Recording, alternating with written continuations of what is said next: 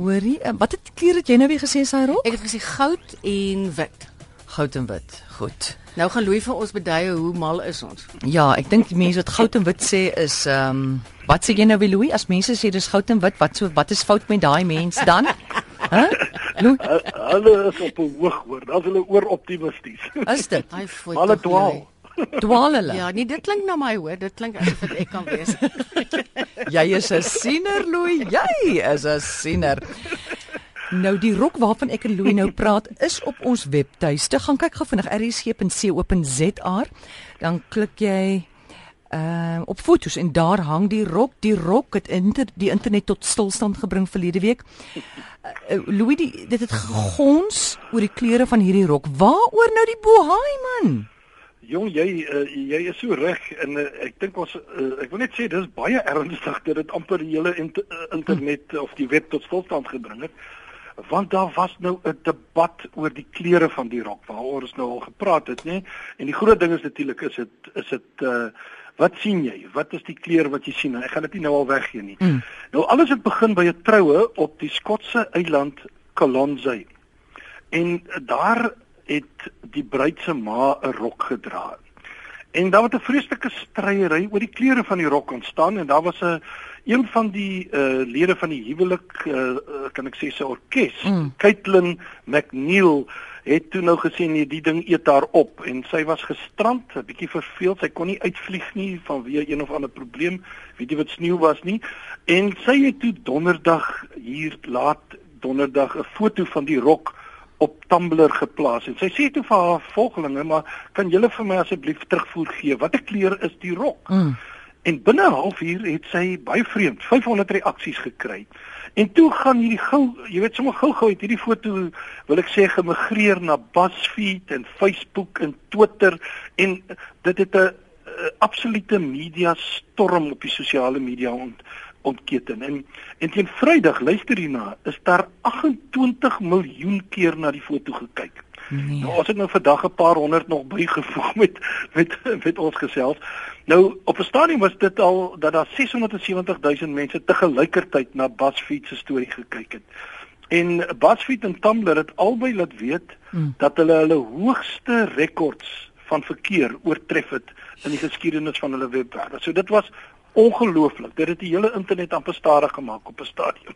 Nou kom uit met die sak patats. Watter skakering van grys of wat ook al is hierdie rok? Nou ek hoor Marietta sê sy het gesien grys en wit. En wit, wat het jy gesien? Ek het so ligpink 'n ligpers gesien, so lilac en 'n roosrooi. Jy weet daai henna rooi. Dis nou interessant. Daar is mense wat oranje gesien het. Uh. Witte goud en uh, en dan is daar mense wat natuurlik gesien het blou en swart. Nou, nou wat sê jy? Wat het, wat sê jy voor ons kom? Ek het ek ek sien ek sien ook wit en goud. Maar kom ek vertel jou gou-gou nou ja. wat gaan aan. Daar was natuurlik nog baie opinies en almal is oortuig hulle is reg en bekendes het gereageer. Taylor Swift sê dis blou en swart. Kim Kardashian hmm. West het gesê wit en goud en haar man Kanye het gesê blou en swart. En dan was daar 'n klomp senatore en politici en sportsterre en almal. En wie wat hier in dit loshande gewen? Ja. Dit was dat die rok wit en goud is. Nou wat sê dit? Nou wat wat nou nou wat nou? Ek gaan nou vir jou sê, hulle was almal verkeerd, want weet jy wat? Ja. Uiteindelik het hulle die Britse vervaardiger van die rok, dis nou Roman Originals opgespoor. Ah. En uh die uh, dame het bevestig die rok is inderdaad swart en blou. En hy kos 50 pond en sy het sommer baie verkoop na hierdie hoa. En uh, ek wil nog vir jou sê, ek dink nie daar was hulle blou rok hier dat Monica Lewinsky vir soveel bespreek is as hierdie bruid se ma se rok nie. Uh maar hy is definitief en as jy na 'n mooi foto uh. kyk van hom in die winkel, dan uh. sien jy hy is inderdaad blou en swart. Uh en glad nie soos ons hom waarneem nie. Sjoe, nou hoe is dit moontlik dat mense dieselfde rok so verskillend sien? Ah, daaroor is nou ook uh, dis nou deel van die debat gewees kan ek amper sê.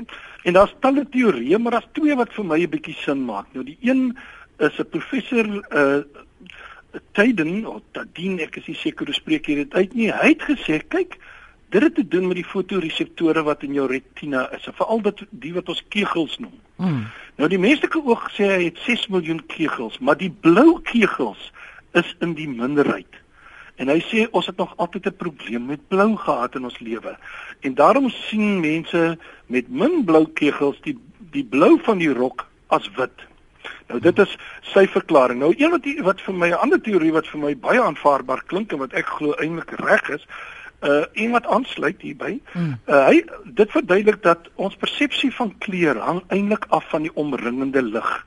Ons waarneming van die lig in 'n kamer of die lig van 'n toneel en as die omringende lig ontbreek, kan mense dieselfde kleur verskillend waarneem want jou brein ver, uh, interpreteer dit verskillend. 'n Kleur is nie vir vir, vir mense 'n vaste ding nie.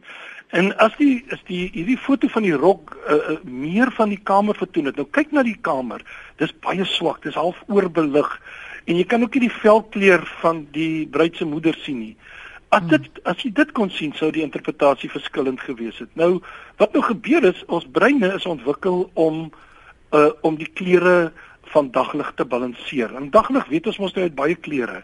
Dis pinkrooi met dagbreek, dis blou-wit hier rondom 12 uur hmm en die aandskemer is dit so rooierige donkerrooi soms pink soos wat jy nou gesê het en ons brein verdiskonteer hierdie kromatiese verskille outomaties en uh, as 'n mens dit nou na die blou kant verdiskonteer sien jy wit en goud so nou dis nou waar ons val en as jy dit na die ander kant toe die goue kant toe mm. verdiskonteer sien jy blou en swart so dit hang af van ons brein en hoe ons dinge geleer verdiskonteer het en hoe ons daglig interpreteer Nou, hoekom dan nou juist hierdie rok? Ek hoor jou, hoekom nou sekerlik moes daar in die verlede baie ander rokke gewees het wat ook mense so verskillend laat sien. Het. Hoekom nou juist hierdie rok? Hoekom nou?